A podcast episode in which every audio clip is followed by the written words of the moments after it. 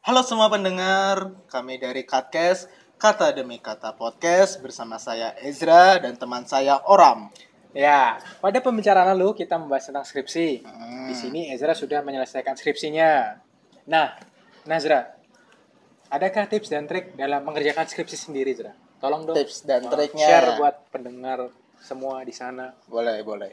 Kalau dari tipsnya, kalau dari aku sendiri itu Ya, eh, kerjakan tiap hari, Ram. itu maksudnya gimana? Jadi dikerjakan tiap hari. Kalau jadi misalnya gini, kan kita sehari itu eh punya 24 jam tuh Iya. dalam sehari ya. Eh, kita alokasikanlah waktu kita itu misalnya setiap hari tiga jam. Iya. Jadi bener-bener tiga jam itu kita fokus pada skripsi kita, fokus pada penulisan kita. Jadi tanpa mengerjakan hal-hal yang lain. Nah setelah selesai tiga jam, barulah kita uh, bisa istirahat atau bahkan mengerjakan hal-hal yang lain gitu. Baru besoknya lagi tiga jam lagi. Tapi itu tiga jam Mm-mm. emang kita fokus ngerjain skripsinya ya, tanpa Benar. di apa disambil sambilan, Iya. apa disambil dengan yang lain gitu. Enggak, jangan. Oh, gitu. Terus gitu karena aku pernah pakai cara itu dan progresnya lumayan sekali. Efektif. Iya, efektif sekali gitu. Nah, itu yang pertama. Yang kedua, carilah tempat yang nyaman untuk menulis skripsi. Nah, tempat yang nyaman ini terserah kita. Bisa di kos-kosan, kos sendiri, kos teman, kos orang jangan. Atau di kampus atau bahkan kalau nyamannya misalnya di luar kayak di kafe ya silahkan Oh, gitu. Jadi bener-bener kita punya tempat yang nyamannya kita untuk fokus ngerjain Hmm. gitu. Lalu yang ketiga eh menurutku bisa dikerjakan sendiri atau bersama teman. Jadi Gimana tuh? senyamannya aja misalnya emang oh aku lebih nyaman ngerjain skripsi ini sendiri aja Iya. tanpa ada gangguan atau eh, oh ternyata aku lebih nyaman ada temen juga yang ngerjain skripsi gitu Membantu Ah, tepatnya. ah, membantu jadi kadang-kadang kan kalau misalnya kita ngelihat wah ini di sebelahku lagi ngerjain skripsi nih nah aku juga ah gitu Oh, ada Seperti positif itu. apa vibe-nya ya. Mm-mm, seperti itu nah lalu kalau triknya eh cari referensi skripsi yang sudah selesai. Oh, gitu. gitu. Itu bisa di perpustakaan eh, sering-sering aja membaca. Jadi emang dalam penyusunan skripsi itu kita harus suka membaca. Membaca skripsi orang membaca jurnal penel- penelitian yang lain Iya. gitu. Supaya apa? Supaya kita apa eh, terbiasa terbiasa dengan kata-kata yang harus dituliskan di skripsi lalu apa eh, penyusunan-penyusunan kalimatnya seperti Iya. itu gitu ram Iya. Nah, Zra, Hmm, jadi kan ada beberapa tips dan trik nih. iya Nah, ini pertanyaan pribadi ya. Heeh. Nah, pas kamu ngerjain tuh, kamu sambil kayak makan, nyemil, atau minum, atau ada sesuatu yang kamu suka, atau kebiasaan yang biasa kamu lakuin nggak? Gimana? jadi kalau pas aku ngerjain skripsi itu aku malah nggak ada nyemil, nggak nyemil, nggak makan, paling minum air putih doang. Terus tempat yang aku suka saat ngerjain itu pertama kampus. Oh, ini personal apa personal testnya Izra ya. Hmm. Mungkin pendengar di sana bisa macam-macam beda-beda Hmm. ya. Jadi ada dua, pertama kampus, yang kedua perpus Oh, kampus dan dan perpus perpus. ya perpustakaan Iya. gitu. Jadi soalnya kalau di kampus itu di kampusku itu ada tempat namanya itu kayak learning center. Iya. Jadi itu tempatnya emang cuma isinya kayak meja-meja, kursi dan tenang di situ Iya. dan emang buat kita untuk belajar sebenarnya. Hmm. Nah, di, makanya aku emang mencari ketenangan dalam mengerjakan skripsi supaya fokus Iya. Gitu. Makanya ada namanya itu di kampus eh, tempatnya namanya learning center sama di perpustakaan. Kan nggak mungkin kan kita di perpustakaan berisik Iya betul. dimarahin nanti gitu. Kebanyakan tenang biasanya ya. Mm-mm. Nah, makanya aku jarang sangat-sangat jarang ngerjain di kos Iya. karena banyak distraksi. Oh iya, banyak apa yang mengganggu ya, membuat Mm-mm. apa pikiran kita teralihkan. Jadi kita tidak fokus ke skripsi ya. Iya, terus kalau Oh. Tapi kalau misalnya teman-teman yang lain suka nyemil saat ngerjain skripsi ya silahkan. Pokoknya dibuat senyamannya aja gitu. paling cuman apa efek buruknya itu kalau ngerjainnya di apa di komputer atau di laptop ya keyboardnya nanti berminyak. ya ditaruh apa tangannya. iya, kalau misalnya nggak ada tisu barangkali. Nah, kan udah ya yang tadi itu. Nah, berikutnya Zra, kamu kayak punya waktu-waktu efektif nggak? Yang kamu rasa tuh mungkin tuh pas kita ngerjain di waktu ini kayak masuk banget. Kalau nggak fokus kita tuh sedang lagi kondisi tinggi-tingginya nih. Oh, Pagi kah, siang kah, malam kah, sore kah, tengah malam mungkin Oh, iya. bagaimana nih? Kalau aku benar-benar waktuku semangat untuk ngerjain skripsi itu pagi hari. Oh, Mulai dari jam 7, 7 pagi, jam 7 pagi sampai jam 12 siang. 12 siang ya. Iya, jadi itu kalau misalnya mau ke kampus ya bener-bener jam 7 itu sudah sampai kampus Hmm, gitu. Atau kadang-kadang eh, saat setelah subuh, setelah subuh. setelah subuh ngerjainnya.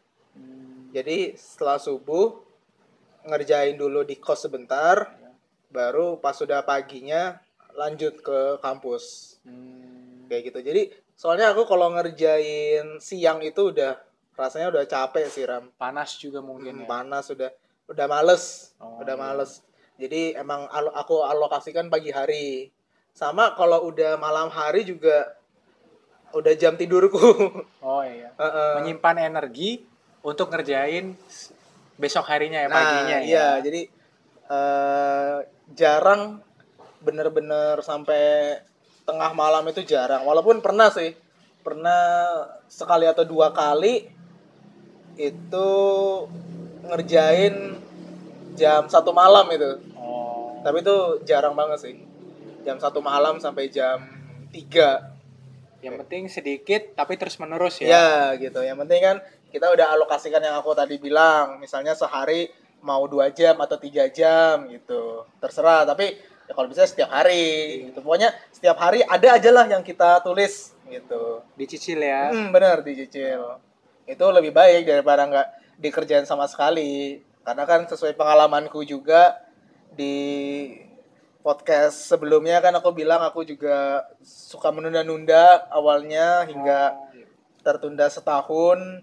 Dan itu merupakan pengalaman berhargaku. Pembelajaran juga buat iya kamu. pembelajaran kalau kita jangan menyepelekan menunda-nunda pekerjaan bahaya akibatnya nanti Menunda-nunda pekerjaan itu bisa menimbulkan pekerjaan yang lain ya. nah benar iya benar Jadi gitu. semakin banyak pekerjaan kita dan waktu kita juga alokasinya makin banyak Mm-mm. dan skripsi kita juga makin nggak karuan nanti gimana nih. iya dan sebenarnya kalau nunda-nunda malah waktu kita semakin sedikit Iya. karena kan di sebagai mahasiswa kan ada batas masa studinya juga Oh batas masa studi ya. iya gitu Kalau di kampus kamu batas masa studinya berapa tuh Jera? Kalau Buat di- ngerjain skripsi. Ah, kalau di kampusku nggak ada sih masa jadi skripsi itu kan salah satu bagian dari studi Oh gitu. Nah, jadi semua studi jadi kalau di kampusku itu waktu pertama kali aku mendaftar itu ada kontrak belajarnya Hmm. yaitu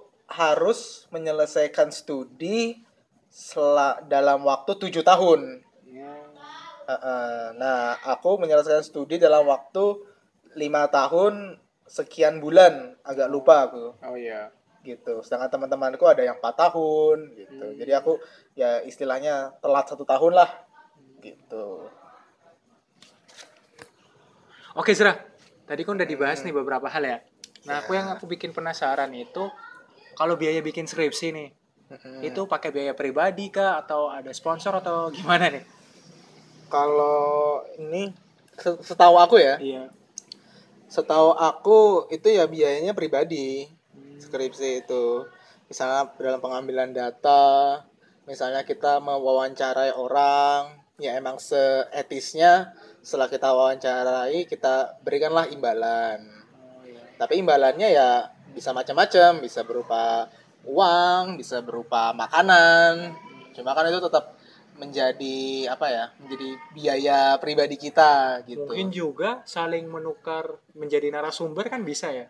Jadi Bisa. kalau kamu ngerjain skripsi, ternyata temen yang kamu ambil informasi juga ngerjain skripsi, jadi kan saling bertukar narasumber gitu. Mm, itu kalau emang temanya sama Oh, misal iya. kebetulan temanya sama atau judulnya apa 11 12 Iya. kayak gitu cuma jarang terjadi tapi bisa bisa seperti itu tapi jarang terjadi Hmm, ada juga sih eh, namanya itu apa disponsori bisa disponsori dari dosennya sendiri Oh, ada ya? eh, kadang-kadang ada ada dosen yang punya penelitian Iya. dan dia memayungi beberapa mahasiswa untuk melakukan penelitian dan Oh. itu ya biasanya biayanya bisa dari dosennya ya bisa dari mahasiswanya juga tergantung eh, penelitian seperti apa Berarti ada dua ya. Ada ada banyak nih.